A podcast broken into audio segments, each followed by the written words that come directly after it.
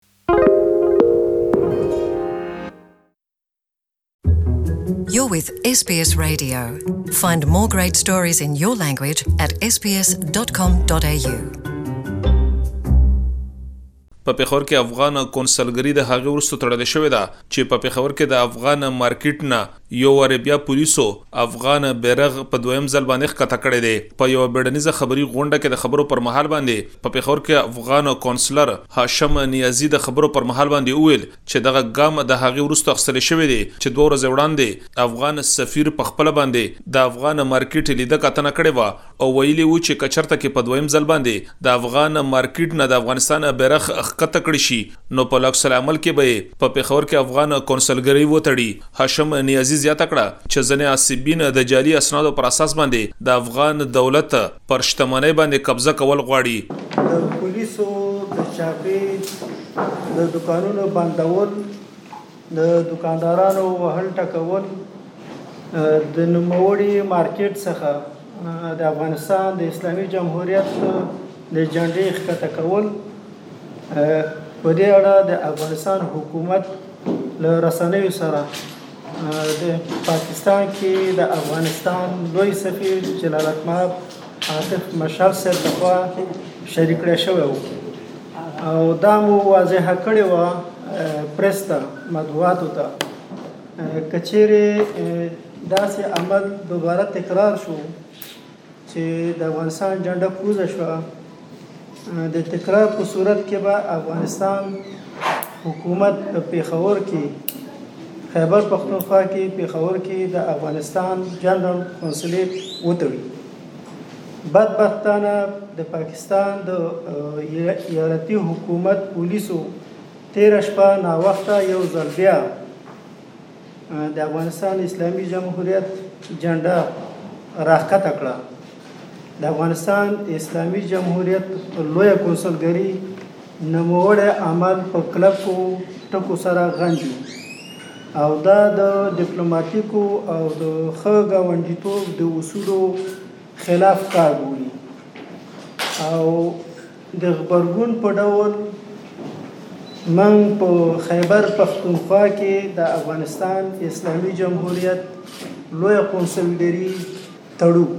د اکتوبر په لسمه نېټه باندې د پاکستان د بهرنیو چارو ویاند ډاکټر محمد فیصل په اوونیزه خبري غونډه کې د خبریالانو سره د خبرو پر مهال باندې د یو سوال په ځواب کې ویلي وو چې په پېښور کې د افغان مارکیټ نه د افغانستان د بیرغ ښکته کول د سترې محکمې د پرېکړې پر اساس باندې ترسره شوي دي. دوی وي چې ځنې ګامونه د دپلوماتي اصولو پر خلاف اخستل شوي دي. یه لیګل کیس تھا افغان مارکیټ کا پشاور مې. دا یوه قانوني قضیه ده. د افغان مارکیټ په اړه باندې سترې محکمې پرېکړه کړې ده او دا د هغې په لاکس العمل کې مخې ته راغلې ده. کومه به چې عملي کېږي، بیا هم که ځنې داسې ګامونه د دپلوماتي اصولو پر خلاف اخستل شوي وي، نو د بهرنیو چارو وزارت یې څارنه کوي او په غبرګون کې به یې ګام اخلي. ان ډپلوماټیک اکټیویټي هوي هې تو همارې نوټس پې اس پې اکشن کرېنګې. دا و د پاکستان د بهرنیو چارو د وزارت ویاند ډاکټر محمد فېصل درې ورځې وړاندې د پېښور په فردوس سیمه کې کوم چې د تجارتي هلو ځلو لپاره تر ټولو مهم ځې ګڼلې کېږي،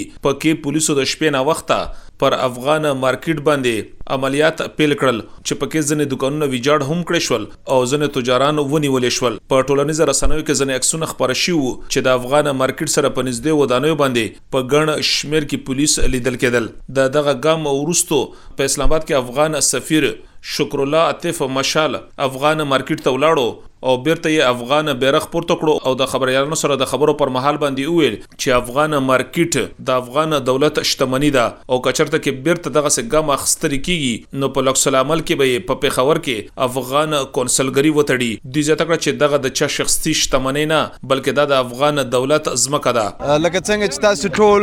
خبر يئ افغان مارکيټ د افغانستان د حکومت جايداد ده او دا له له دا د کلونو کلونو افغان حکومت د دې مالیه پرې کوي دلته د منګ زولیت ده د منګ موجوده د منګ دفترو دفتر د ورکه مسولین مو دلته دي متاسفانه څو وخت مخکې بعضی مافیایي کړیو چې کوم کشمیرای دوست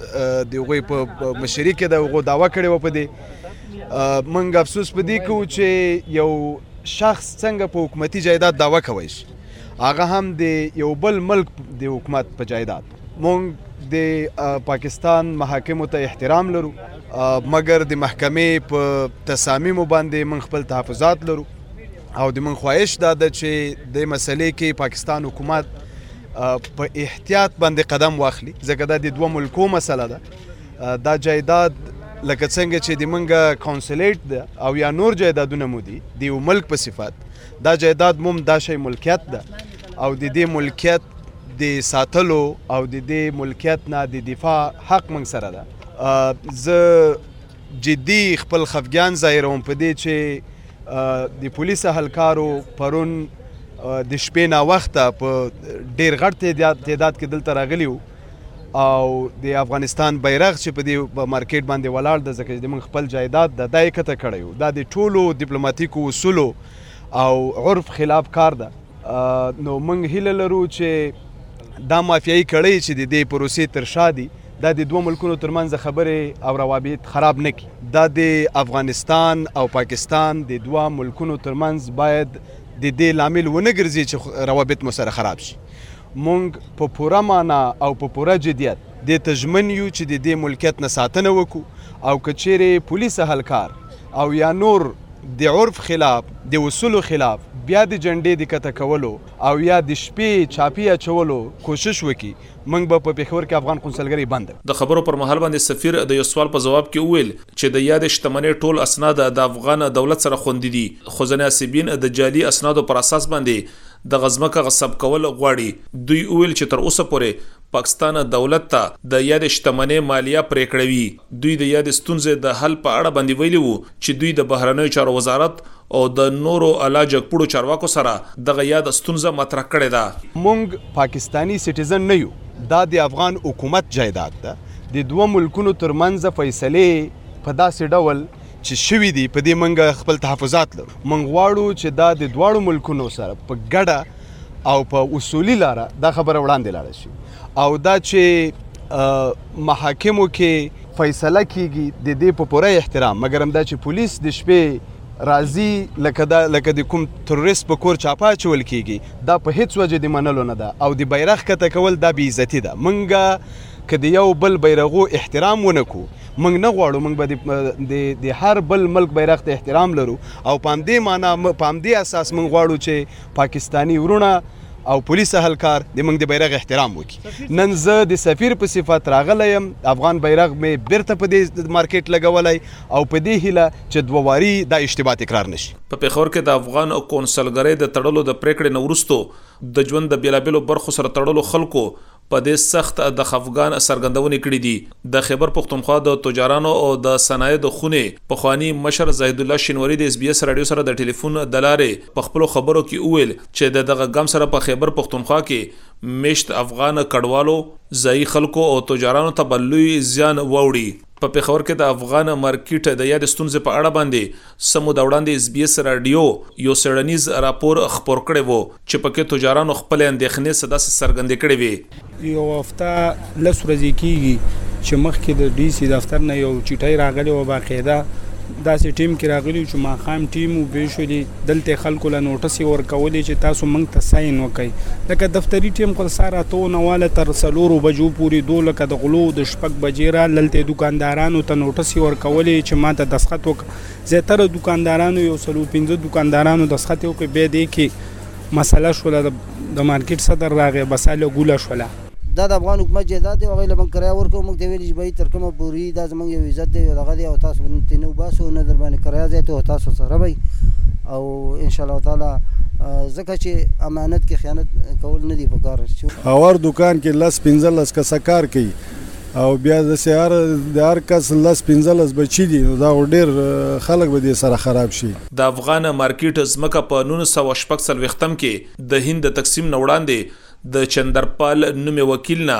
افغان دولت په بیه باندې اخیستې وه. دغه ځمکه چې تقریباً یوویشت کناله یعنې پنځه جریبه او نولس مرلې ده چې پرې د دوه نیمو سوو نه تر دریو سوو پورې دوکانونه شتون لري، په کې په لوی کچ باندې تجارتي هلې ځلې کیږي. په نولس سوه یو اویایم کې د زواروس سین په نوم باندې یو تن سترې محکمې ته رجوع وکړه او یاده ځمکه یې د ترلاسه کولو لپاره دوی ته خواست وکړو چې وروسته محکمې دغه فیصله وکړه چې دغه ځمکه د افغان دولت نه بلکې دا د دغه عدي وګړي ده. دا د پاکستان د جوړېدو نه وروسته یو نوی قانون مخې ته راغلی وو چې پکې خلکو ته ویل شوي وو چې خپل هغه ټول اسناد چې د متحده هند پر وخت باندې د دوی سره د خپلو شتمنیو په اړه باندې دي پاکستاني دولت ته وړاندې کړي چې دغه شانتې دغه شتمنۍ د نوي قانون تر مخه د دوی په نوم باندې کړې شي که څه هم ستره محکمه دغه ادعا لري چې د دې په اړه باندې وار په وار باندې افغان دولت ته خبرتیا ورکړې شوې ده خو افغان دولت دغه خبره ردوي او وايي چې دوی ته هیڅ قسمه څه اطلاع نه ده ورکړل شوې. اسلام ګل افریدي، ایس بي ایس راډیو، پېښور. Tell us what you think. Like us on Facebook or follow us on Twitter.